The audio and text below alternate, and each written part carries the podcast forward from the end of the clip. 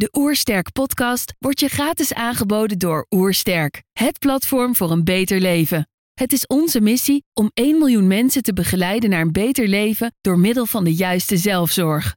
Wil je weten hoe jij kunt werken aan een beter leven? Ga dan naar www.oersterk.nu gezondheidscheck voor onze gratis gezondheidscheck en krijg direct jouw uitslag met persoonlijk advies. Mijn naam is Wouter de Jong en je luistert naar de Oersterk podcast. Je hebt een druk bestaan en je wordt vaak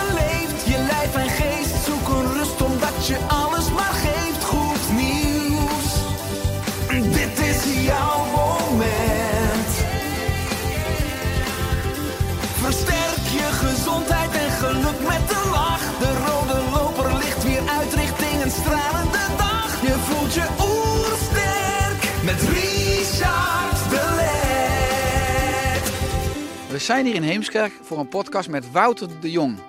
Wouter was vroeger jurist en acteur, maar is nu bekend als trainer en spreker.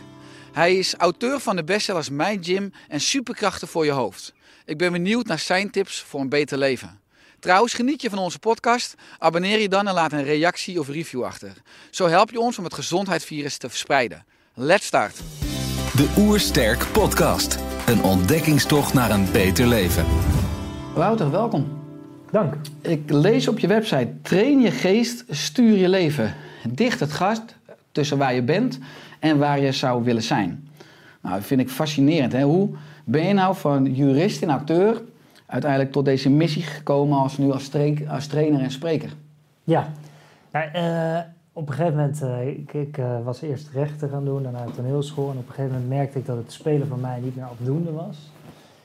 En ik zat ook niet lekker in mijn vel. En toen ben ik op zoek gegaan naar technieken hoe je je geest nou ten positieve kan beïnvloeden. En zo ben ik gekomen tot hele basale techniek waarvan ik dacht, nou dit is zo te gek. En dat ben ik eerst zelf eh, veel gaan oefenen en gaan praktiseren en opleidingen in gaan doen. En gaandeweg eh, heb ik het acteurschap achter me gelaten en ben eh, eerst trainer geworden en langzamerhand steeds meer spreker. Toen mijn boeken goed begonnen te lopen, toen kon ik ook veel meer lezingen geven, omdat het eh, Mhm. ja, de autoriteit verleent dat je kan spreken. Ja. Ja. Ja, maar wat ik fascinerend vind aan je concept. En mensen associëren mij vaak met voeding en gezonde leefstijl. Maar op je website schrijf je terecht, dat vind ik enorm krachtig. Bij goed voor jezelf zorgen denken we vaak aan meer bewegen en gezond eten. Maar je zit pas echt lekker in je vel als je mentaal sterk bent. Een goede gezondheid begint niet in de sportschool, maar in je hoofd. Want wat heb je aan een fit lichaam als het spookt in je hoofd? En wat is inmiddels jouw visie op de verbinding tussen lichaam en geest? Ja, Eh, ja dat, daar, dat is één. Dus dat is, die dansen continu de tango. En het is natuurlijk een, een handig concept om ze uit elkaar te halen. Maar in feite is het één systeem die, nou, die, die, die continu met elkaar danst. Dus goed voor je lijf zorgen is goed voor je geest zorgen. Goed voor je geest zorgen is goed voor je lijf zorgen. Mhm. Ja. Ja, en in de praktijk. nu- Hoe, zie- hoe zie jij dat? Ik ben het helemaal met je eens. Ik zeg vaak: het lichaam is eh gecondenseerde geest bijna. Dus sommige experts zeggen het lichaam is het onbewuste brein en het, eh, het, de hersenen dan het bewuste brein. Maar eh, als je het hebt over gezondheid en vitaliteit, denk ik dat je uiteindelijk meer kan bereiken door op de mind in te werken dan op eh, zeg maar het vlees en een stukje body. Mhm. Dus eh, wat je zegt, het is, het is een eenheid, het is een tandem. Ja. En voor de wetenschap hebben we het moeten scheiden. En veel mensen denken daardoor ook, onder andere door ik denk dus ik ben, sinds Mhm. de 17e eeuw. Maar in werkelijkheid zijn we natuurlijk één ja, holistisch eenheidsmechanisme. Ja. Als je dan kijkt naar de moderne maatschappij, waar heel veel mensen nou, uit balans zijn of niet per se heel lekker in hun vel zitten, kan je natuurlijk ook kijken naar, naar leefstijl. Maar hoe kijk jij daar naar vanuit het perspectief van mentale balans? Ik las op je website, hebben veel mensen een, een dikke mentale buik? Ja, dus net als je hersenkwabben Ja. Net als je je buikkwabben kun je hersenkwabben natuurlijk ook eh, trainen. En eh, ik, ik, volgens mij is er wel een verandering gaande. Dus als je kijkt naar de middeleeuwen werd gezondheid nog niet gelinkt aan voeding. Eh, beweging werd aan het begin van vorige eeuw niet gekoppeld aan gezondheid. En nu is langzaam de derde revolutie dat mentale training veel meer gekoppeld is aan gezondheid. Dus eh, ik zie wel veel meer mensen daar bewust aandacht aan besteden. Dus dat is denk ik een hele mooie overgang. Maar dat kan nog veel meer. En dat kan ook veel meer in de metafoor van de sportschool. Want we zijn wel dus gewend om dagelijks te trainen aan ons lichaam. Eh, en hopelijk wordt het dagelijks trainen aan je lichaam, eh, aan je geest, dadelijk net zo normaal als je tanden poetsen. Maar dan, als, ik, als je puur kijkt naar de cijfers, dit zijn eh, TNO-cijfers van volgens mij drie, twee jaar geleden, dus ik weet niet hoe het actueel is, maar daar zijn, is 1 miljoen mensen lopen het risico op burn-out en andere psychische risico, eh, risico eh, gerelateerde, werkgerelateerde klachten. Mhm. Dus er is nog wel wat eh, vooruitgang te halen in, het, in ons brein. Ja, want je boek is My Gym. Inmiddels heb je ook een My Gym voor Kids. Zal ik later nog terugkomen. Maar je ziet, eh, tenminste in mijn vakgebied in de geneeskunde, dat veel mensen pas in actie komen als hun gezondheid zijn verloren. Dus als ze klachten hebben, Ja. als er een noodzaak is. Ja, ja. Is dat ook zo op jouw vakgebied? Dat, dat je ziet de meeste mensen gaan is- pas zoeken als ze niet lekker in het vel zitten? dat is precies wat je zegt. En wat doen we dan? Ja, dan rennen we wel naar een psycholoog of naar een coach. Hmm. Tuurlijk. Maar het is dan toch alsof je zwemles krijgt op het moment dat je aan het verdrinken bent. Dus je wil natuurlijk veel liever dat op een in rustiger vaarwater of nog liever op de kade trainen en onderhouden, zodat je, nou, zodat je die zwemvaardigheid hebt op het moment dat je aan het verdrinken bent. En niet alleen dat, wellicht wil je juist ook als je op de kade staat veel meer kunnen genieten van de zon, bij wijze van Mhm. spreken. Dus het gaat niet alleen over kun je constructiever omgaan met het dalen, maar kun je ook juist veel meer rijkdom en verrijking ervaren in de saaie momenten en de mooie momenten. Ja, dus we zouden continu eigenlijk al vanuit de basis, dus vanuit het kind zijn al bezig moeten zijn eigenlijk met deze eigenlijk belangrijke aspecten qua mentale vitaliteit. Ja, ja want, eh, want je, je, je haalt terecht aan van dat, dat zou een hoofdvak op school moeten zijn, Mhm. toch? En, en dat zie je al wel verschuiven, dat er, maar dat hangt er nog een beetje naast. Terwijl eh, hoe je jezelf motiveert, hoe je jezelf aanstuurt, hoe je omgaat met je emoties, hoe je beter kan concentreren, dat willen we toch onze kinderen al zo jongs, van jongs af aan leren. Absoluut. Ja. Ja, dat is. We, we leren ze bijna alles. Behalve, behalve die, die gebruiksaanwijzing van hun eigen hoofd. Dat is, dat is absurd. Mhm. Jij wil ook niks liever dan dat. Dat je kinderen het leven aan kan. En dat ze met een goede mindset de puberteit ingaan en, eh, en het volwassen leven. Toch? Ja, absoluut. Nee, Ja. helemaal eens. Eh, ja, ik, ik, ik zit dan gelijk te bedenken, is dat dan de echte revolutie als we maatschappijbreed eh, deze belangrijke kennis en vaardigheden integreren, te starten met het basisonderwijs? Ik denk dat het wel een belangrijke factor is. En dat hoe wij, eh, nou, hoe wij naar de wereld kijken, dat het ook voor een belangrijk deel bepaalt hoe ons systeem uiteindelijk wordt. Hmm. En hoe onze instituten worden en hoe onze organisaties eruit zien. Dus dat op het moment dat we al van jongs af aan anders leren kijken, dan zal het uiteindelijk ook effect gaan hebben hoe we onszelf organiseren en hoe we, hoe we onze samenleving inrichten. Ja, Eh, want ik las, eh, je bent zelf vader van een dochtertje van Ava. Ja. Eh, en ik las ook gekoppeld aan je nieuwe boek Superkrachten voor je hoofd. En we leren onze kinderen zo ongeveer alles, behalve de gebruiksaanwijzing van hun eigen hoofd. Hoog tijd dus om onze kinderen ook te leren hoe ze baas kunnen worden in hun hoofd. En dat doe je met dit ja, fantastische speelse doeboek. Eh, inmiddels ken ik ook van pagina 13 het contract. en dat is geniaal natuurlijk waar je de omgekeerde avond eh, introduceert. Dat eigenlijk kinderen de baas zijn in huis. En dat die eigenlijk de ouders overroelen of de rol van de ouders aannemen. Ik neem aan dat je daar heel veel leuke reacties, brieven of Ja, mailtjes inmiddels op krijgt. Ja, dat is heel erg leuk. Ja, dus kinderen die kiezen meestal inderdaad voor die omgekeerde avond.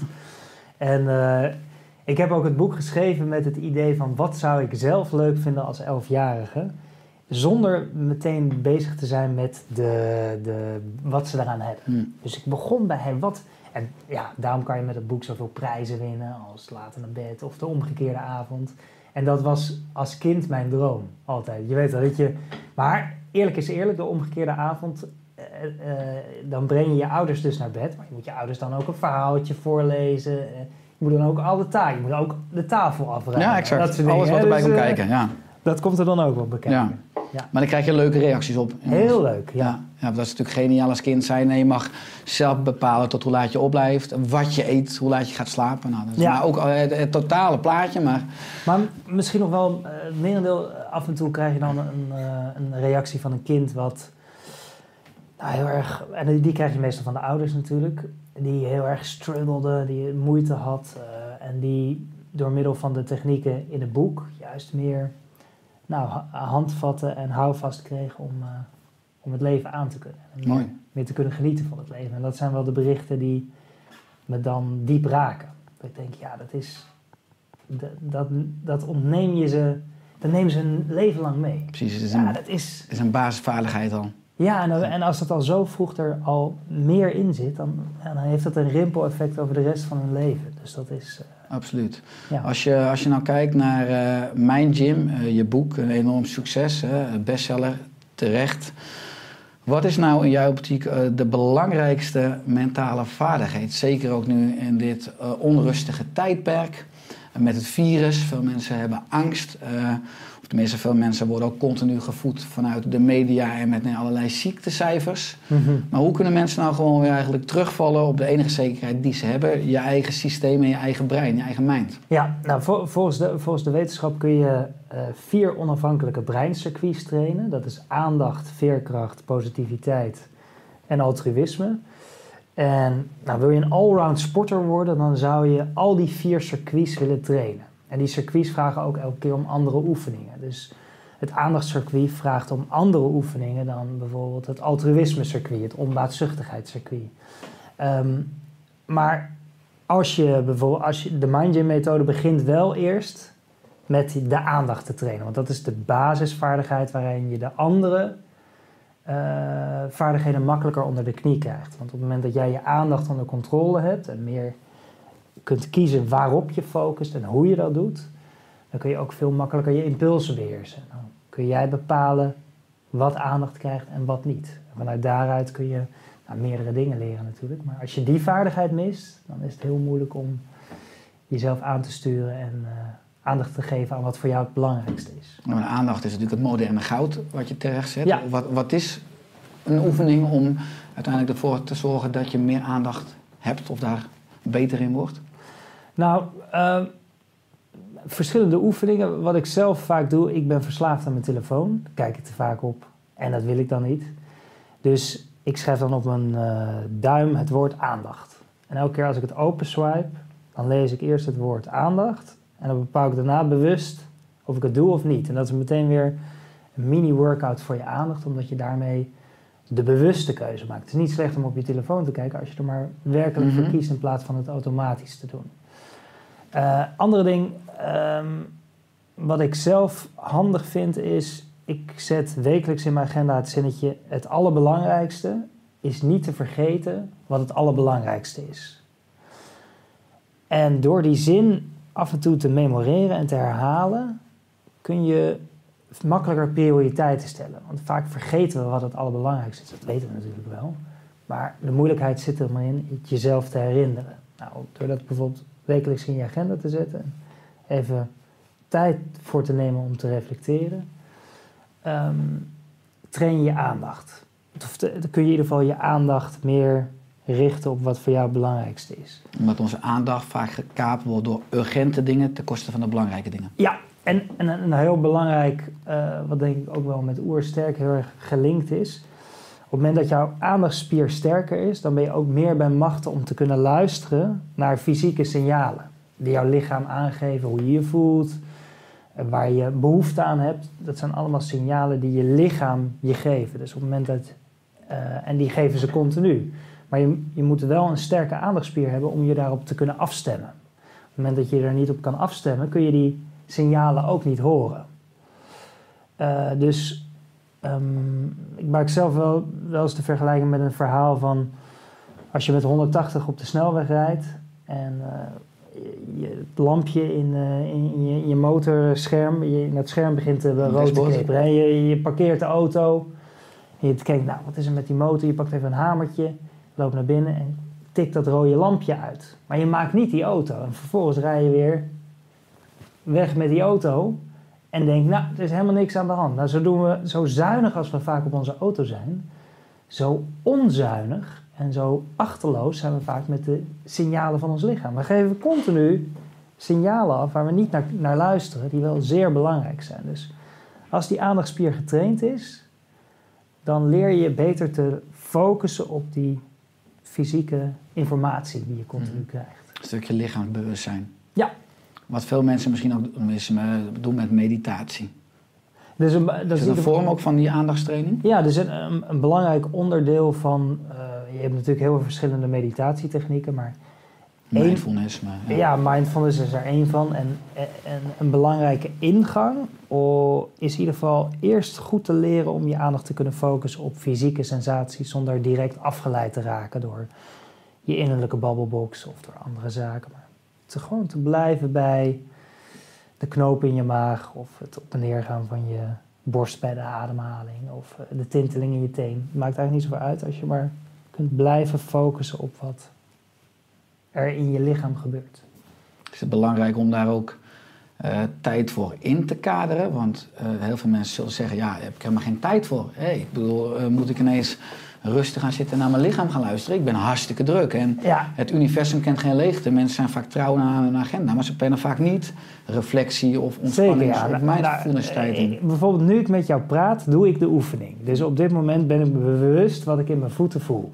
En dat, dat, dat is omdat ik nu daarin getraind ben, dus dat makkelijker kan. Dus je kan dat ook gedurende de dag, zonder dat het extra tijd kost. Zoals nu ervaar ik bijvoorbeeld wat ik in mijn voeten voel, terwijl ik aan het praten ben. Nou, zo kun je dus ehm, ehm, al met hele korte momenten, mini-momentjes, eigenlijk een soort mini-vakantie, even een break houden. Bijvoorbeeld al twee of drie bewuste ademhalingen doen. En je dan niet te focussen op, hé, hey, ik moet rustig worden, maar meer, hé, hey, wat ervaar ik als ik, als, ik, als ik adem? Wat ervaar ik dan? Zonder dat je de adem weer probeert te vertragen of sneller probeert te, te maken. Of gewoon ervaren wat je, in je, in je bij de adem ervaart. Eh, Qua fysieke sensaties. En daar gewoon een mentale notitie van maken. Heel simpel. Dus het hoeft helemaal geen extra tijd te kosten. Dus in de, bij de Mind Gym methode heb je een light, medium en intens. En voor de mensen die zeggen, van, ja, ik heb helemaal geen tijd om hier aan te doen. Waar haal ik de tijd van? Die mensen hebben het natuurlijk juist nodig. Met meer tijd, ja, Ja, exact. Ja. Maar eh, om, om toch die mensen een kans te geven, want niet sporten is altijd nog slechter dan Ja. een beetje sporten. Dus daarin heb je de light variant, waarin mensen toch kunnen oefenen met mentale training, zonder dat het ze per se veel extra tijd kost. Met simpele oefeningen die je door, door de dag heen kan doen. Zoals bijvoorbeeld aandacht op je duim of eh, een paar keer een bewuste ademhaling doen. Nou, dus dat is aandacht, wat je zegt, gebied 1. Gebied 2 is veerkracht. Veerkracht. Kan je, eh, kan je eh, dat toelichten? Ja, dus veerkracht, dat hangt ook zeer sterk samen met het woordgebruik, hoe je jezelf motiveert. Dus we, we, we spreken zo'n gemiddeld 300 tot 1000 woorden per minuut tegen onszelf. En eh, de, de woordkeus alleen al bepaalt in grote mate in hoe effectief je jezelf kunt aansturen. En hoe effectief je, je kunt omgaan met tegenslagen bijvoorbeeld. Dus op het moment dat we vaak eh, een tegenslag hebben, of we falen, of we mislukken, nou dan merk je dat die innerlijke criticus heel hard op ons in gaat beuken. Vanuit de motivatie om jezelf aan te sturen. Maar wat gebeurt er vaak? Je verlamt of eh, je verkrampt. Eh, dus dat werkt averechts om, het, om, om je doelen te kunnen realiseren en daarbij een rustige geest te behouden. Want je wil, al, al, wil je, al zou je er succesvol door worden, dan word je zo succesvol. Dat wil je natuurlijk ook niet. Dus eh, je woordgebruik is enorm nuttig en sterk om jezelf gunstig te kunnen motiveren en eh, meer rust in je hoofd te kunnen, te kunnen hebben. Nou, dan wil je dus eerst goed bewust zijn wat je tegen jezelf zegt. Daar, dat is de eerste stap. Eh, goed weten, hey, wie is er eigenlijk aan het woord? Als ik bijvoorbeeld mezelf motiveer, is dat mijn innerlijke criticus of is dat mijn coachende kant in mezelf? En vervolgens wil je ook de, bij machten zijn om dat te kunnen aanpassen aan wat voor jou werkt. En een hele simpele manier is, we kennen bijvoorbeeld allemaal wel dat als we een goede vriend bij ons hebben, kunnen we die in, één klap motiveren. Dan vinden we helemaal niet moeilijk, dan weten we precies wat we moeten zeggen. Hebben we de juiste woorden klaar? Daar denken niet eens over na. Komt organisch. Dus dat hebben we al lang. Maar we vergeten het op het moment dat we het naar onszelf doen. Dus een hele simpele manier om daar meer in contact mee te zijn, is jezelf dan altijd op die momenten af te vragen: wat zou ik in deze situatie tegen mijn kind of tegen een goede vriend zeggen? En precies die woorden, die copy-paste je gewoon naar jezelf. Nou, eh, als je dit in het begin doet, dan stop je er direct mee als je denkt: ja, dit werkt niet. Ik, ik ervaar er niks mee. Ja, natuurlijk werkt het niet, want je hebt jarenlang op een bepaalde manier tegen jezelf gepraat. Dus wil je kijken of, of dit voor je werkt, dan dien je dit in ieder geval minimaal een maand te doen. En dagelijks, net als sport, gewoon echt in te trainen. En dan pas merk je dat je net als bij sport fit wordt. Je bent natuurlijk niet als je, als je 10 minuten gaat sporten dat je dan fit bent. Dan ben je gewoon aan het trainen. Dus eh, zo'n techniek als je bijvoorbeeld eh, nou, gedurende de dag vaak af, afvraagt... Hey, wat zou ik nu tegen een goede vriend zeggen... en dat vervolgens tegen jezelf zeggen... dat vergt veel training, maar als die eenmaal is ingesleten... is die ook veel makkelijker op te roepen. En merk je dat je... Nou, eh, eh, ja, dat het een, een heel... ehm, heel prettig is. Ja, dus En effectief. Word wat liever, word wat milder en zorg voor wat meer zelfwaardering. Ja, en het grappige is, ehm, juist als mensen, dus het hangt heel erg mee samen met kun je jezelf meer accepteren. Maar vaak denken mensen toch, ja, als ik mezelf accepteer, dan, kom, dan, blijf, dan word ik lui. Dan word ik toegevelijk aan mezelf. Want als ik mezelf, ik heb die onvrede is nodig. geen progressie meer. Want anders kom ik toch niet vooruit. Maar het grappige is dat hoe meer zelfacceptatie, hoe kritischer je naar jezelf kunt zijn. En hoe, hoe meer je jezelf een schop onder je hol kunt geven. Juist omdat je niet bang bent om, om, om, om, eh, om, om, eh, om je ego. eh, om je ego. dat die ego omvalt. Ja. Je hebt niks te airbrushen. Dus op het moment dat jij jezelf meer accepteert, dat zie je ook uit meerdere onderzoeken, dan blijken dus mensen veel beter bijvoorbeeld feedback van anderen op waarde te kunnen schatten. En mensen die een hogere, meer zelf, een grotere innerlijke criticus hebben, of die juist de tegenovergestelde kanten heel veel zelfwaardering hebben, die kunnen die informatie veel slechter op waarde schatten. De innerlijke criticus zegt, ja dat is waar, ik kan het eigenlijk niet meer op. Het is inderdaad zo. En die met veel zelfwaardering, die zal zeggen, nou die, dat- klopt geen, eh, geen... En die, die, projecteren het vaak op Mhm. degene die feedback heeft. Dat, dat, is een, dat is een zakkenwasser, die snapt er echt helemaal niks van. Dus iemand met veel zelfacceptatie ziet veel scherper wat hij nodig heeft en kan er ook veel beter naar handelen. Mooi, maar als ik een brug maak naar jou, ik las in een interview met jou. In het verleden liet ik mijn eigen waarde vooral afhangen van mijn prestatie en de erkenning van anderen. Een soort wandelen- wandelende applausmachine, wat ik een grappig woord vond. Als ik iets verklote, kon je me opvegen. Nou, dan is uiteindelijk dit, dit Ja. stuk veerkracht is natuurlijk iets wat je fantastisch in je eigen le- leven hebt kunnen integreren. Ja, absoluut. Dus als ik kijk naar wat, het, wat mentale training mij vooral heeft gebracht, is het meer zelfacceptatie.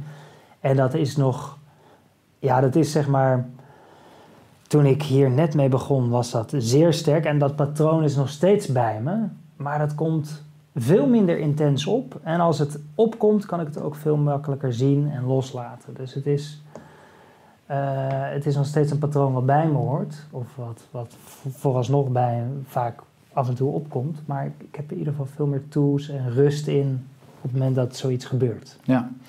Eh, wat uiteindelijk veel meer rust en vrijheid en overzicht geeft. Ja, ja. En Ja. veel minder stress. ja en veel minder stress. Ja. Ja. Aandacht, veerkracht, eh, altruïsme. Wat moet ik me daarbij voorstellen? Ja, dus de, de onbaatzuchtigheid. Van kun je iets voor iemand doen, helpen, steunen, zonder iets terug te verwachten. Dus vaak op het moment dat je stiekem iets terug verwacht, dan zie je dus in hersenscans dat de hersenen dit circuit niet oplicht. Dus eh, Vanuit ego-motieven verwachten iets terug. ja, ja, en het, het fascinerende is, vaak krijg je daar natuurlijk wel een positief gevoel van. Of maakt het je blij. Dan zouden de sceptici kunnen denken, ja, oké, maar dan doe je dat dan eigenlijk toch niet om dat positieve gevoel te krijgen. Dan is het antwoord erop, het is een bijgevolg. Dus als jij ziet, eh, je ziet een kind, die zit in een brandend huis. Wat doe je dan? Je rent erop af. Toch? Je Ja. rent erop af. Ja. Je redt dat kind en als de inter- journalist komt naar je toe en die zegt, waarom deed je dat? Zeg je dan, ja, ik wilde een goed gevoel krijgen. Nee, natuurlijk niet. Je deed het gewoon omdat je dat kind wilde helpen. Dus, ehm, en een, dat je daar een goed gevoel van krijgt, ja, wellicht, maar dat is een bijgevolg. Een bonus, om het zo maar te zeggen. Dus, ehm, en het mooie van dit circuit, van alle vier de circuits, is dit circuit het, geeft het snelst resultaat. Dus het aandachtscircuit duurt vaak het langst om te trainen. En het altruïsme eh, circuit kun je het snelst, makkelijkste trainen en is het ook het snelst merkbaar van al de vier de circuits in de regel. Dus, eh, en eh, nou, daar heb je natuurlijk ook heel veel oefeningen in hoe je eh, anderen meer in hun kracht kan zetten, hoe je anderen beter kan helpen eh, en hoe je dat ook weer in kunt trainen zonder dat dat Mhm. je overkomt. Mhm. Dat je wacht totdat je de impuls hebt. Is het ook het principe dat we sociale dieren zijn en dat we eigenlijk gemaakt zijn voor de groep en om, er, zeg maar, om de ander te helpen? Ja, ja ik, ik denk dat dat, dat dat zo effectief werkt vanuit dat idee. We zijn natuurlijk groepsdieren. En eh, waar, waar we in uitblinken is samenwerken. Dus eh, op het moment dat we die, dat deel in onszelf niet aanspreken, dan voelt dat natuurlijk niet goed. Want het, de, de evolutie heeft daar ook bij bedoeld. Ja, laten we, laten we elkaar helpen. En ehm, ja, dus en, en elkaar in de breedste zin van het woord. Dat hoe meer je daarmee in contact staat, hoe meer je beseft dat alles onderdeel is van dat elkaar. Niet alleen mensen, maar ook het klimaat, de dieren. Gewoon, ja, Moeder aarde. Ja. ja dat, is, dat, dat is de essentie van, van elkaar. Eh, dat dat zo nauw verbonden met elkaar is dat je die niet los van elkaar ziet. En dat je juist, ehm, dat beschrijf ik vooral in het veerkrachtgedeelte, dat je juist ook met veel meer compassie naar jezelf, maar ook juist de ander tegemoet kunt treden. Dus vaak is, eh, is, het, is die eerste automatische reactie bij pijn, moeilijkheid, bij lijden, is natuurlijk wegkijken. Natuurlijk, maar je kunt trainen om daar juist een beweging naartoe te maken en je daar niet van af te wenden. Daar meer voor open te staan en dat aan te gaan op het moment dat er is. Zonder te willen vluchten in eh, een eh, zoete suikerwereld eh, die niet bestaat. Die je wel kunt creëren in je hoofd natuurlijk, maar dat is een niet houdbare illusie. Mhm. Ja, wat je ziet dat natuurlijk ook terug in de blue zones en bij natuurvolkeren, dat dat altruïsme bijna een kerningrediënt is van hoe die mensen leven. Ja, ja en, en, en nou, be- het bekende boek van Rutger Bregman, Alle Mensen Deugen, ja, het is natuurlijk een prachtig boek. Waarin het een hele ode is aan, Ja. aan dat we in feite het merendeel van de mensen gewoon een diepe drijfveer hebben om anderen te helpen. En, en vaak in, in, de, in de tijdsgeest waarin we nu leven, is het, heb je soms wel even een duwtje in de rug nodig van jezelf of door middel van oefeningen om dat wat meer aan te spreken. Want in de waan van de dag kunnen we dat ook weer vergeten. Dat dat eh, zo'n belangrijke drijfveer is. Ja, ik zeg soms bij stress krijgen we meer doorbloeding eigenlijk van het oerbrein, waardoor de focus meer ligt op eh, afge- afgescheidenheid en, en je ik. En Mhm. eigenlijk ook bij ontspanning en een goede doorbloeding van links en rechts heb je ook veel meer oog voor de eenheid en voor de ander. Pre- Precies, en dat, is ook precies wat er gebeurt met de aandacht. Want onder stress, wat doet de aandacht? Die vernauwt. En op het moment dat de, de, de stress afneemt en er meer eh, rust en positieve emoties zijn, wat doet de aandacht? Die opent zich als vanzelfsprekend. Er is letterlijk ook minder focus, maar meer overzicht. Dus het, je, ziet, je ziet meer de rest, om Mhm. het zo maar te zeggen. Dus dat, Het dat totale je- perspectief. het totale perspectief. Ja, in plaats van de tunnelvisie. Ja. Ja. Eh, aandacht, eh, veerkracht, altruïsme en positiviteit. Ja. Dat is de, de vierde. Hè? Ja. Kun je daar wat meer over toelichten? Ja, dus positiviteit, dat is ook zo'n waarde waarvan je iedereen denkt, ja, dat weet ik natuurlijk. Ja, positief natuurlijk. En dat- Positief denken, ja, natuurlijk. En, en, even een ratenband. ja, ja, ja, Ja. positief denken. Eén, eh, het gaat voornamelijk niet over positief denken, maar kun je iets meer pos- positief doorvoelen. Dus op het moment dat je eh, je alleen stort op positief denken, dan kan het ook een vlucht zijn om eh, negatieve emoties te ontwijken, Bijvoorbeeld als je jezelf helemaal verliest van... eh, ik ben wel blij, ik ben wel blij, ik ben wel blij. Terwijl, terwijl je diep van binnen helemaal... Ja, dan is dat natuurlijk een, een, vlucht van dat daadwerkelijk te voelen. En dan heeft het niks met positiviteit te maken. Juist met het tegendeel, met pure destructie. Eh, en eh, pessimisme op een bepaalde manier. Eh, dus werkelijk positiviteit is ook het kunnen activeren en het koesteren van positieve emoties. En dat kan mede door positief denken. Mhm. Maar positief denken is daar één middel van. En, en de basis eigenlijk in, in, in die hele stroming, wat je vaak ziet, is eh, dat heel veel daarvan toch neerkomt op de term dankbaarheid. Van kun je zien wat er is? Kun je werkelijk ervaren wat er al is en dat ook doorvoelen? Dus niet, oh ja, ik woon in een fijn land, ik douche met drinkwater, ja, dat is allemaal zo. Vaak wordt het zo'n vinkje, hè? Maar kun je daar, kun je, je hebt bijvoorbeeld in, in, eh, in, het, in het gele boek, eh, dat is Rick Hansen, die heeft een hele mooie, mooie methode ontwikkeld, dat is een neuroloog, die heeft een methode ontwikkeld hoe je eh, positieve emoties beter kan activeren, maar ook langer vast kan houden. Dus wat je ziet is dat mensen positieve emoties vaak wel enigszins van kunnen genieten, maar dat net te kort in hun korte termijn geheugen houden, waardoor hun programmering niet doorappt, doorcijpelt naar hun brein.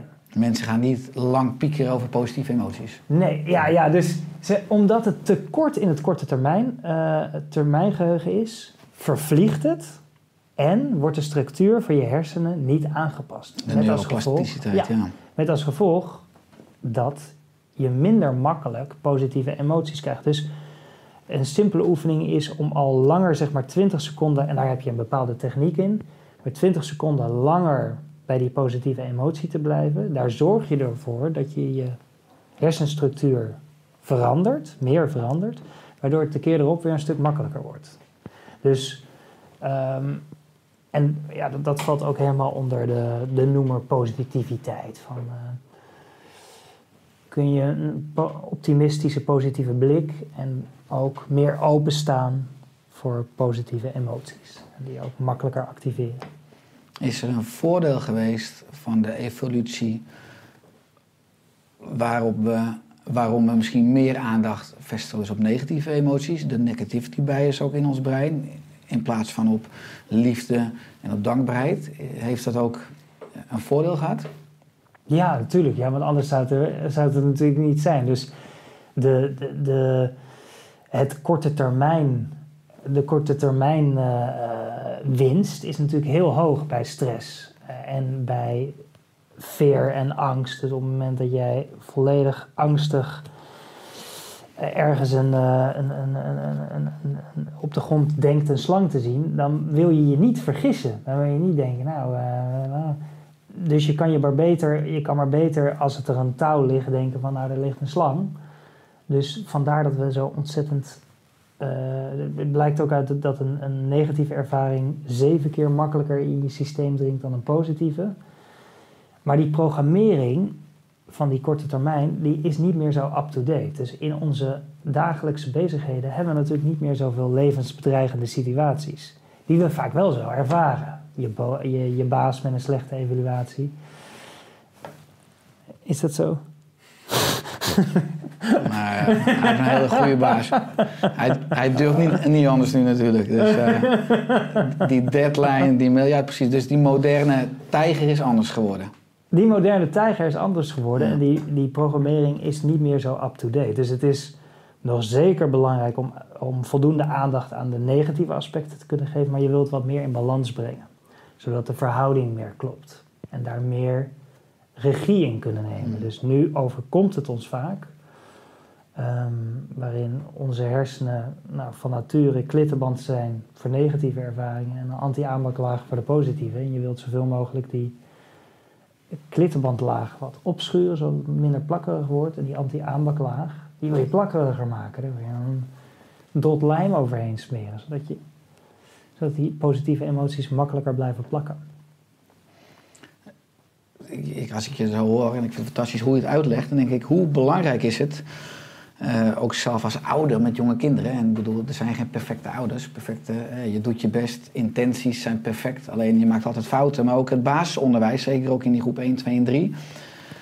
Je kan die kinderen nog helemaal kneden. Is het, is, zou het eh, ook niet veel belangrijker zijn, wat ik nu alweer bedenk, eigenlijk, om ook eigenlijk ouders. Ja, ik bedoel, als je wil auto rijden, kan je je rijbewijs halen. Als je een kind wil, nou, dan hoef je daar helemaal geen bewijs voor te hebben. Dat is misschien maar goed ook. Maar hoe, hoe fijn of hoe zou het zijn als je als ouder wel bepaalde kennis of inzicht hebt, waar je nog een vrije keuze hebt wat je, wat je ermee doet. Want een echte vitale maatschappij, ook later, wordt natuurlijk al geconditioneerd en geprogrammeerd in de eerste zeven jaar voor een groot deel. Ligt daar nu een terreinbraak? Ik weet niet of ik je helemaal je, je vraag snap. Ja, dus, eh, dus eh, ik heb ook als vader, als ouder, nooit kennis gehad over bepaalde mentale training die ik bij mijn kinderen zou kunnen toepassen. En hoe ik mijn kind uh, ook Ja. mentaal op, op, op de beste manier kan voorbereiden. Ten eerste dat, dat mijn zoons in hun kracht staan. En Ja. ten tweede ook dat we zo vitaal mogelijk de maatschappij ingaan. We leven met beste intenties. Absoluut, ja, we zeker. maken allerlei fouten, omdat ik kennis die ik ook in je boeken vind, nooit ergens heb geleerd. Of, Ja. Ja, dus misschien is het, is het eh, überhaupt als ouder sowieso handig om daar eerst zelf veel mee te oefenen. Of dat kan ook gelijktijdig natuurlijk. Eh, dus in het kinderboek zijn er ook heel veel oefeningen die je samen met je ouders doet. Vanuit die overweging. Dat er ook een, een, een samen doelboek is, challenges. Bijvoorbeeld eh, de afleidingschallenge. Of dan moet je stilzitten, dan moet je, moet je je ouders je proberen af te leiden terwijl je een, een aanda- aandachtsoefening doet en dan kan je weer een prijs mee winnen. Dus allemaal technieken om dat meer een familieding van te maken, zodat het ook eh, gedeeld wordt in, in het gezin. Mhm. Maar ik denk dat het heel belangrijk is. de- mijn moeder vindt dit boek bijvoorbeeld veel fijner dan een, het volwassen boek. Juist omdat ze denkt, ja, dit is zo helder uitgelegd. En er staat eigenlijk hetzelfde. Dus zij heeft zoiets van, nou, als ik, eh, als ik wil oefenen, dan lees ik liever dat boek dan, dan het gele boek, om het zo maar te zeggen, of het blauwe boek. Dus ehm, ja, ik, ik denk dat, dat eh, hoe, een groot gedeelte hoe kinderen natuurlijk leren is goed voorbeeld doet, goed volgen. Absoluut, wat je doet. Ja. Ja, dus wil je dat je kinderen dit echt meekrijgen, dan, ja, dan wil je ook zoveel mogelijk zelf die technieken beoefenen.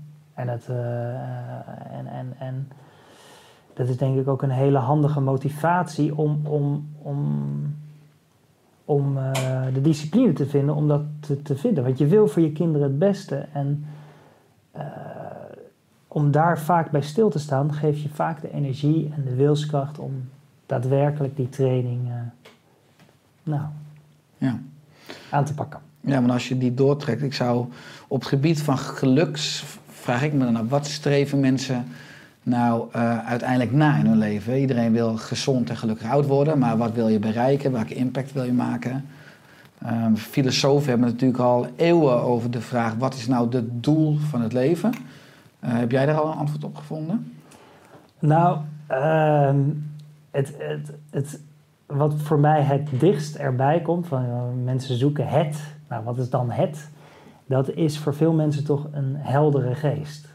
Namelijk of, je nou, of wij nou deze podcast opnemen, of dat we een aspirintje nemen, of dat we een politieke partij oprichten. Eh, vaak is het onderliggende doel je thuis voelen in je eigen geest. Zelfs mensen die zelfmoord plegen, doen dat uiteindelijk om zich thuis te voelen in hun eigen geest. Het is niet zo, het is een beetje radicaal, maar dat is wel de, de onderliggende intentie daarvan. Om, om, om hier rust te krijgen. Dus eh, ja, ik zie dat wel als een, als een, eh, als een, als een zeer diepe, diepe behoefte. Je hier thuis voelen. En wonderwel strookt dat na- natuurlijk vaak met meer welzijn in, in, in, eh, in je omgeving en de dingen die eh, ja, helend zijn, die zorg voor elkaar. Ja, want het is boeiend als je kijkt naar... Ik heb twaalf jaar, 12 jaar lange praktijk voor integrale geneeskunde gehad... waar ik ook zeker de laatste jaren veel succesvolle mensen mocht helpen. Dan het succes volgens de definitie van de maatschappij. Eh, maar heel veel mensen die zeiden vaak... Richard, ik heb alles wat mijn hartje begeert. En ja, een groot huis eh, of twee huizen, eh, auto's, we gaan drie keer per jaar op vakantie. Ik zou gelukkig moeten zijn. Hè? Dus als ik erover nadenk, maar ik, ik voel het niet. En vaak hebben die mensen natuurlijk chronische stress of allerlei eh, dingen die uit balans zijn, waardoor dat eigenlijk gebrek aan geluk of voldoening ook uiteindelijk een afrekening is. Mhm. Ehm, als je kijkt naar de moderne maatschappij, dan worden we vaak vanuit het onderwijssysteem, ik herken het zelf ook, heel erg geconditioneerd. Vanuit we moeten dingen doen om te mogen zijn. Ik Ja. kreeg aandacht als ik goede cijfers had, om Ja, rapport. Dus het is, heb ik ook jaren last van gehad, uiteindelijk later in mijn leven, om dat weer een beetje Mhm. eh, te deprogrammeren. Eh, Hoe, hoe kunnen we dat maatschappelijk ook, eh, ja, uiteindelijk dus voldoening en gezondheid, maar ook mentale rust, hoe kunnen we dat Ja, je- meer laten voorkomen? Ja, je, zegt, je zegt het mooi, want het, het, het- dat houdt ook verband met wat we eerder zeggen eh, over veerkracht en over kun je jezelf accepteren. Namelijk, kun je ook gelukkig zijn zonder reden. Maar vaak denken wij, ja, dat is ook best eng, want als ik gelukkig ben zonder reden, ga ik dan nog wel wat doen? Dan lig ik toch lui in mijn hangmat. Dan kom ik niet meer, kom ik niet mijn bed uit. Terwijl, eh, fascinerend genoeg is het tegendeel waar. En de enige manier hoe we dat denk ik meer in ons systeem kunnen eh, integreren en eh, dat meer laten groeien in hoe we ons land inrichten en hoe we de wereld inrichten, is mensen dat vaker laten ervaren. Want dat is de enige manier. Je kan er natuurlijk wel over vertellen en zeggen, ja, nou, dat is, eh, maar ja, je, je moet het eerst ervaren voordat je zelf eh, ja, da- daar iets mee kan en in gelooft en dat wil eh, doorvertalen. En, en, en dat, dat hangt juist ook heel erg samen met gelukkig kunnen zijn zonder reden. Met meer inzet voor hetgeen wat je werkelijk belangrijk vindt. Juist omdat je daardoor een meer heldere geest vaak hebt. Door dat gelukkig zijn zonder reden. En beter ziet wat, er, wat jij en de wereld nodig heeft. Ja, mooi, want je bent ook veel actief op de zakelijke markt, jij. eh, of tenminste, qua lezingen en presentaties. Ik zag ook een foto op je website waar je nou, allemaal mensen in pak en stropdas met hun ogen dicht ziet zitten. Dus in ieder geval, je doet een oefening met ze. Ehm, ik neem aan dat, dat juist ook allerlei sectoren ook enorm hunkeren naar jouw kennis en expertise. En naar jou, tenminste naar de mentale rust eh, die ze via jou ook hopen eh, dat dat toeneemt op de- in de werkomgeving. Ja, ja want eh, productiviteit, creativiteit, kwalitatief werk leveren, dat hangt natuurlijk nauw samen met of iemand mentaal fit is. Dat is de, de ba het basisgereedschap van- waaruit je werkt. Dus mm, vandaar dat dat voor elk bedrijf een van de meest basale vragen is. Hoe kan ik zorgen dat het allerbelangrijkste gereedschap van mijn medewerkers, dat het in orde is? Eh, en, en, en het, het mooie is dat de bedrijven die dat ook daadwerkelijk ter harte nemen, dat je daar ook eh, nou, dat je daar de, de vruchten van ziet. Dus dat het niet alleen een holle frase is van nou, we doen eens een keer een workshop als een pleister op, op de Mhm. drukte, om het zo maar te zeggen. Hebben de werknemers even een uitje? Ja, ja, ja. maar dat, eh, daar zie je ook dat succes en kwali- kwalitatief werk eh, en excelleren, dat het heel goed samen kan gaan, juist met mentaal fit zijn en eh, nou, bijvoorbeeld een betere balans tussen werk en leven. En hoe dat er dan precies uitziet. Dus een, wat ik bijvoorbeeld een, een mooie studie vind, eh, onder, bij Stanford University hebben ze 10.000 werknemers onderzocht. En daar bleek de werknemers die 40 uur werkten, die kregen meer gedaan dan als ze 60 uur werkten. Dus het, het fascinerende was dat ze precies, de, en het ging om dezelfde werknemers, die konden dus meer doen in 40 dan in 60 uur. Maar dan moet je wel de mogelijkheid hebben om die 40 uur optimaal te benutten. En om zoveel mogelijk eh, uit die 40 uur te kunnen halen. Als je ook grote prestaties wil leveren, wat je natuurlijk wil. Ja, mooi is dat. Dus eigenlijk als je 60 uur in de week werkt, dan ben je je eigen rem. Ja, Omdat je je brein niet geeft wat het nodig heeft om optimaal te functioneren. En daardoor eigenlijk, je zou zeggen, ook een beetje in een vicieuze cirkel blijft. Omdat Ja. je achter je eigen staat aan rent. Ja, dus soms is niks doen het meest productieve eh, wat je doet. Dus dat, eh, eh, dat voelt op zo'n moment natuurlijk niet zo, terwijl dat op de lange termijn wel dat effect heeft. Ja, je ziet dan denk ik op de zakelijke markt. Enerzijds kan je natuurlijk kijken naar zeg, euro's, naar winst en omzet. Maar anderzijds is het natuurlijk, gaan- bedrijven steeds meer kijken naar waarde. Hoe gelukkig zijn werknemers? Eh, ook qua het aantrekken van nou, in ieder geval eh, de vakmensen in een bepaalde sector. Die willen Mhm. liever in een bedrijf werken waar ook oog is voor, voor cultuur, voor ontspanning, voor allerlei secundaire voorwaarden. Waaronder, want zijn er ook bedrijven dan die eh, bijvoorbeeld na jouw workshops of lezingen eh, ook bepaalde nou, stilteruimtes gaan inrichten? Of tenminste, dus ruimtes op de werkvloer waar ze ook eh, de oefeningen kunnen doen die je aanreikt?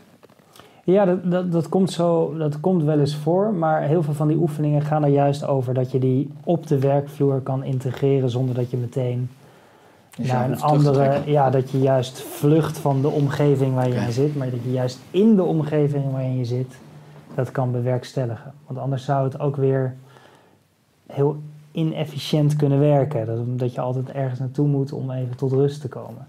Of dat je, eh, nou, eh, stel voor dat je meer creativiteit wil oproepen, dat je dan eerst eh, met z'n allen even in de stilteruimte moet zitten. Kan natuurlijk ook werken, Mhm. maar dat, dat is, zou mooi zijn als dat niet een voorwaarde hoeft te zijn. Maar je gaf net zelf aan dat je zelf ook moeite hebt soms met het gebruik van je smartphone. Eh, als je kijkt naar kantoren, 25 jaar geleden had je misschien een stapel papieren of meerdere stapels, en misschien een, een oud computerscherm. Maar nu is het natuurlijk bij veel mensen is de computer of de mailbox en de telefoon zijn eigenlijk continu afleiders. Is dat te kaderen? Eh, om slimmer te mailen, bedoel je? Ja, om uiteindelijk eh, ervoor te zorgen dat er meer uit je brein komt. Hè? Ja, zeker. Ja, dus daar heb je ook weer heel veel verschillende technieken. Hoe je slimmer kan mailen, hoe je ervoor voor kan zorgen. En dat zijn, ja, dat zijn dingen die, die- ik denk dat veel luisteraars dat ook wel weten. Van, nou, check twee keer per dag je, je mail in plaats van eh, doe het meerdere keren op een dag. Ehm, nou, wat ik bijvoorbeeld doe is, ik eh, zorg dat ik een vrij lang wachtwoord heb. Eh, die, dit is dan niet mijn wachtwoord, maar doe mijn werk met aandacht, bij wijze van spreken. En die moet ik, die moet ik dan altijd invoeren op het moment dat ik in mijn mail ga. Ja. Nou, dat kost dan e- net wat meer moeite. En van nature zijn mensen, en ik ook, toch lui. Dus dan denk je, pff, moet ik dat weer invoeren? Dus dat maakt de stap om een mail weer te checken weer een, een stukje kleiner. En dat helpt me weer om gewoon één à twee keer per dag te checken. In plaats Mhm. van dat eh, Ja, want het is de hele dag door te doen. prikkelend wat je net zegt. Ik, je zegt, ik denk dat de meeste luisteraars weten. En ik weet inmiddels dat de luisteraars heel veel weten, maar het doen is het dan Ja, ja, ja, uitdagender ja, dan weten. Ja. Heb je dat ook eh, met je eigen nou, kennis die je uitdraagt? eh, dat je enerzijds soms zelf misschien lastig vindt, maar ook veel ziet waar je komt. Dat mensen het wel weten, maar het doen, dat dat een, ja, een hele andere afdeling is. ja, ja, ja, dat denk ik. Ik denk dat dat een, eh, een, een belangrijk ding is. En heel vaak is dat, ook, is dat ook niet zo erg. Want soms weet je het ergens wel, maar moet je het toch even opnieuw horen om het jezelf om, om te verfrissen. Om te denken, oh ja, hier gaat het om. Maar nu, dit is ook een startpunt om het dan daadwerkelijk wel te doen. En soms moet je dat toch even, moet je die open deur toch weer even horen om erin te kunnen gaan. Dat je denkt van, ah ja, daar draait het om. Zoals het allerbelangrijkste is niet te vergeten wat het allerbelangrijkste is. We weten ergens wel wat het allerbelangrijkste is, maar handelen we er ook naar? Dus vandaar dat het vaak meer gaat over, kun jij bijvoorbeeld met een sterke aandachtspier jezelf herinneren aan hetgeen wat het allerbelangrijkste is. Jezelf te, te kunnen sturen naar wat jij denkt wat het belangrijkste is. En adviseer je dan dat mensen, oh, zeker ook als ze net starten, eh, zitten niet lekker in hun vel of denken van nou, ik kan wel wat vitaler zijn, misschien zowel lichaam als geest, om dan met kleine stapjes of met één oefening te beginnen. Of, nou ja, want veel mensen willen vaak nou, te radicaal van alles aanpakken. Wat is daarvoor in jouw optiek de beste strategie? realistisch. Dus dat is voor iedereen natuurlijk verschillend, maar dat je zelf goed denkt, hey, wat is voor mij een realistische, realistische stapjes? En eh, een grote valkuil is inderdaad in één keer te veel te willen in een te korte tijd, waardoor je een soort what the hell effect krijgt van, pff, nou, dit speel ik ook al niet klaar, laat maar zitten. Het heeft eh, geen zin. Dus beter inderdaad eh 10 minuten per dag of 5 minuten per dag dan 1 uur op zondag. Ja, precies. Ja. Heb je ook een, eh, want je hebt meerdere rollen ook in je, in je leven. Vader, Mhm. je bent partner, auteur, je bent weer bezig aan een nieuw boek, nou, spreker, je hebt je eigen platform. Heb je een soort blauwdruk van een goede dag? Wat voor mij een goede dag is. Maar heb je ook ingekaderd omdat je zegt, nou, als je 60 uur in de week werkt, dan ben je inefficiënter dan 40 uur. Dus ik zorg ervoor dat ik dan maximaal 8 uur eh, per dag werk. En ik heb bepaalde Ja, ankerpunten in mijn dag waardoor ik Ja, in zeker. balans Dus ben. ik, dat, eh, dat zijn voor mij. eh, ja, dat komt ook met mijn werk kan ik dat makkelijker regelen. Maar ik probeer vaak na vijven niet te werken. Omdat dat een. Na vijven dan heb ik in ieder geval nog voldoende tijd met mijn dochter. En ik probeer vaak één door de weekse dag volledig met haar te zijn. Eh, en nu ze op school zit, heb ik daar iets minder tijd voor. En het weekend ook niet te werken, geen mail te checken. En dat betekent soms dat ik wat vroeger op moet staan als ik tot vijf uur wil werken. Maar soms merk ik juist dat het wel makkelijk haalbaar is. En dan moet ik wel vrij efficiënt werken. Want dat betekent dat ik al mijn werk moet doen en de lezingen en het schrijven in soms 32, 36 uur. Eh, maar dat, eh, dat, eh, dat is een vorm die voor mij werkt. Ja. Ja. En, en daar, daarnaast gewoon, als, ik, als ik zelf aan het werk ben, dan zorg ik dus voor. nou, ik, ik werk ook vaak volgens de Pomodoro-techniek. Ik weet niet of je die kent. Dus- Zeker. ja, dus dat is dan 20 à 25 minuten knallen. En dan doe ik dan tussendoor vaak een aandachtsoefening. Of ga ik even een wandelingetje maken. Of doe ik eh, even iets van sport, iets fysieks. Verschillende soorten of meditatie. En eh, nou, dan ga ik daarna weer door. Dat is een veiligheidspal voor een heldere geest. Ook die Pomodori-techniek toepassen, zodat Ja. je continu fris en scherp bent en Ja. blijft. Ja. Ja, en, en ook eh, tijdens het werk is voor mij ook alle afleidingen buiten de deur houden. En mijn tabblad sluiten van, eh, van, van, van mijn mail. Dus, en van, eh, Heb je thuis ook een eigen werkkamer of gewoon een bureau waar ook zo min mogelijk ligt? eh, ja. Ja, Maar dat helpt natuurlijk ook al in plaats van dat je aan een eetkamertafel zit, bijvoorbeeld met allerlei nou ja, andere Ja. factoren. Ja, dus ik, ik werk dan zelf vaak op zolder. en soms werk ik ook wel eens in een, in een cafeetje. Dat vind ik ook prettig. Ja, dan, herken ik ook. Zeker als ik een boek schrijf, dan trek ik me vaak terug in restaurants en cafés. ja. Ja dan, de- dat werkt. Dat is nu natuurlijk in deze tijd wat lastiger. Maar eh, De coronatijdperk zorgt ervoor dat alle horeca natuurlijk eventjes Ja, ja, ja, op dit ja. moment van opname. Ja, ja, oh natuurlijk, ja. ja Voor als mensen het over vijf jaar nog exact. Gaat gebeuren, gaat gebeuren. Ja, een stukje Dat was context. toen. Ja. gelukkig laten we het hopen dan dat het eh, vo- vo- vooral bij nu blijft. Als je kijkt naar de afgelopen jaren, eh, je bent ook vaak in de media. wat is nou, ja, maar je geeft veel lezingen, veel mensen spreken je aan of, of mailen je of eh, sturen je brieven. Wat is het, eh, het gekste wat je hebt meegemaakt? Wat een leuke vraag. Ehm, eens even denken, het gekste. Het gekste, het gekste. Ehm,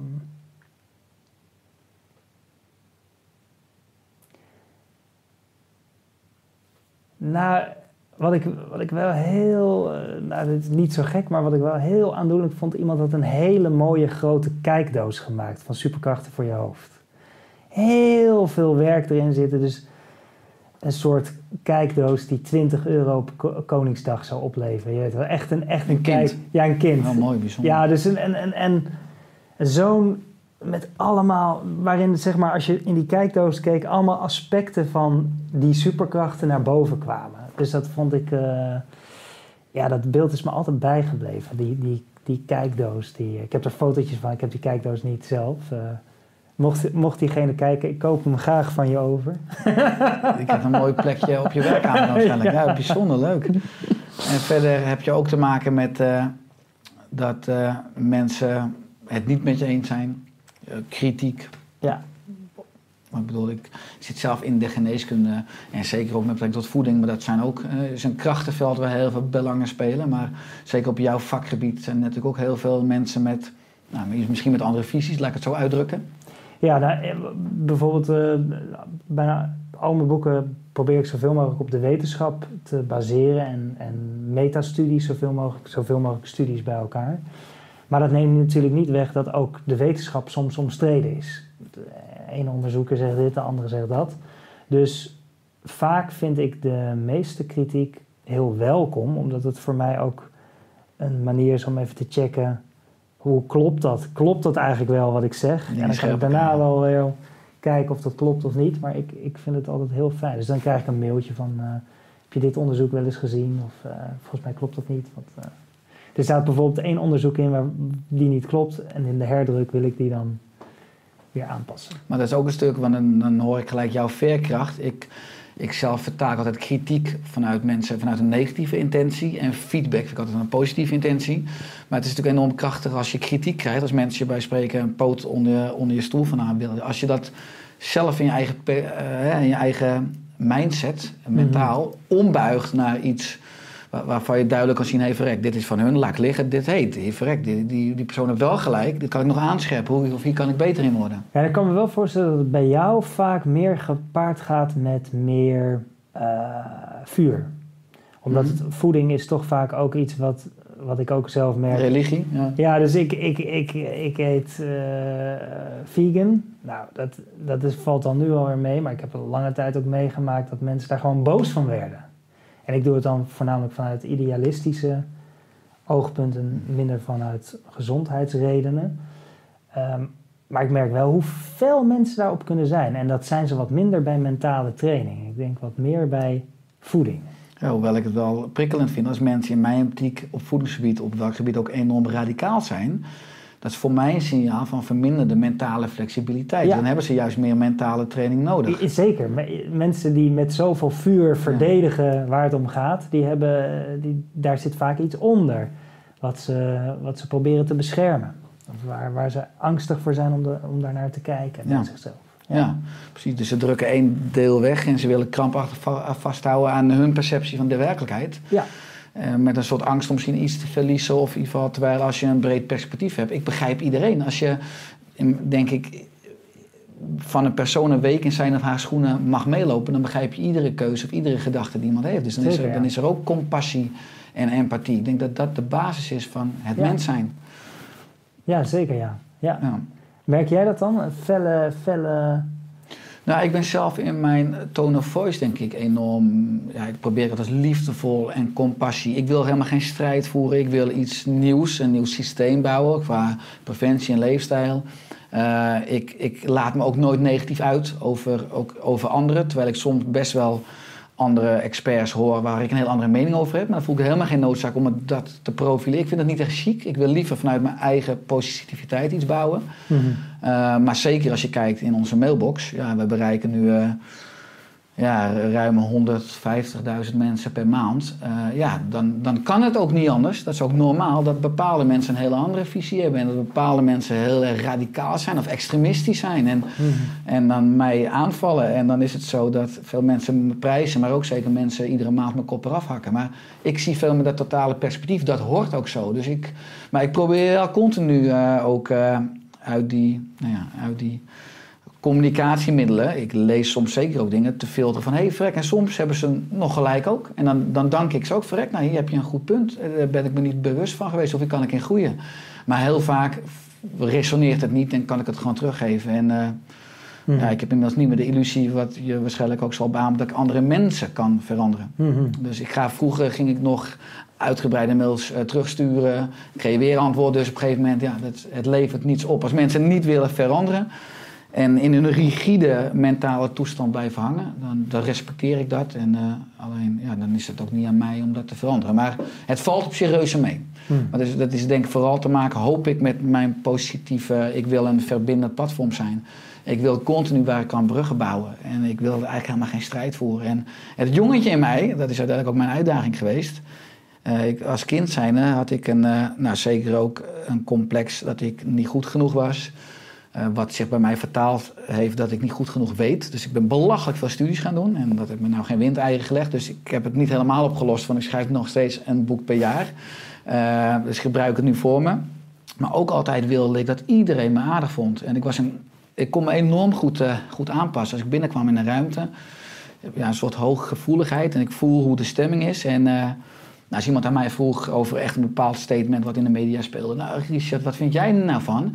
Zeg ik, ja, nou, dat is een goed punt, maar uh, ja, ik heb verschillende visies. Maar ja, wat is jouw mening? En dan kaats ik het balletje terug, gaf hij een antwoord. En dan zei ik, nou, dat vind ik ook. Dus Ja. ik, was, ik had een soort strategie ontwikkeld om Waardoor ik ook aan de andere kant nooit mijn eigen stem liet horen. En daarmee uiteindelijk in 2011 in een soort spirituele crisis kwam. Omdat ik eh, helemaal niet wist wie ik was. Hmm. Omdat, ik, omdat ik al eh, 27 jaar eh, ja, wel veilig was. En iedereen vond me aardig. Maar wel ten koste van mijn eigen identiteit. En eh, ja, vanaf toen ben ik eh, veel meer ook mijn eigen stem durven uit, uit te spreken. Maar dan kom je wel natuurlijk in een perspectief dat niet iedereen het met je eens is. Ja. Nou, dat heb ik in de jaren wel geleerd. Hmm. Dat is mijn eigen weg geweest in een notendop. Mooi, mooi. Wat is voor aankomende jaren je, je droom of je missie? Ik hoop eh, dat superkrachten voor je hoofd dat dat gaat groeien. Onder, eh, dus het, gelukkig loopt dat al heel goed, maar dat gaan we nog meer uitbouwen zodat het nog meer kinderen gaat bereiken. En het volwassen boek wordt in verschillende landen vertaald. Dus dat is de komende jaren is het ook de vraag hoe het internationaal gaat groeien en cool. wat ik daar internationaal kan, kan betekenen. En, eh, Is het je ambitie om eventueel in Duits of Engels ook lezingen, presentaties te geven? Ehm, liever in het Engels. Maar Engels, ik ben ja. Duits gewoon niet zo, niet zo, niet zo heel sterk. Maar eh, Het is ook een enorme markt, maar het kan ook in het Engels natuurlijk. Ja. ja, ja, ja. Dus, ehm, eh, ja, dus dat, dat gaat groeien. En eh, ja, in welke vorm het ook is. eh, ik sta, volgend jaar sta ik nog in het theater. Een tour dat heb ik dit jaar, vorig jaar ook gedaan. En dat doe ik dan meestal één keer per week. Ga ik door het land heen met, eh met een Mind Gym Theatercollege. Ehm, maar welke vorm ik ook kies, ik hoop in ieder geval dat ik de boodschap van mentale fitheid en wat daarmee samenhangt, zorg voor elkaar, dat ik dat eh, eh, kan blijven uitdragen, in welke vorm dan ook. Mooi, Dat kan laten groeien. absoluut. Waar kunnen mensen meer over jou, over je boeken, over je diensten vinden? Www.wouterdejong.nl En eh, voor het kinderboek www. eh, superkrachten, nee, eh, Mind Gym for Kids. Mijngymforkids.nl Ja, ja. Dank voor je komst in, eh, in de Oerstek podcast, Wouter. Ga vooral door met mensen begeleiden en inspireren naar meer mentale fitheid. Dat heeft de wereld nodig. En nou ja, ik ben blij dat ik ook met, ja, met inspiratoren zo- zoals jij Nederland een stukje vitaler en bewuster mag maken. Dankjewel. Alle goed. Thanks.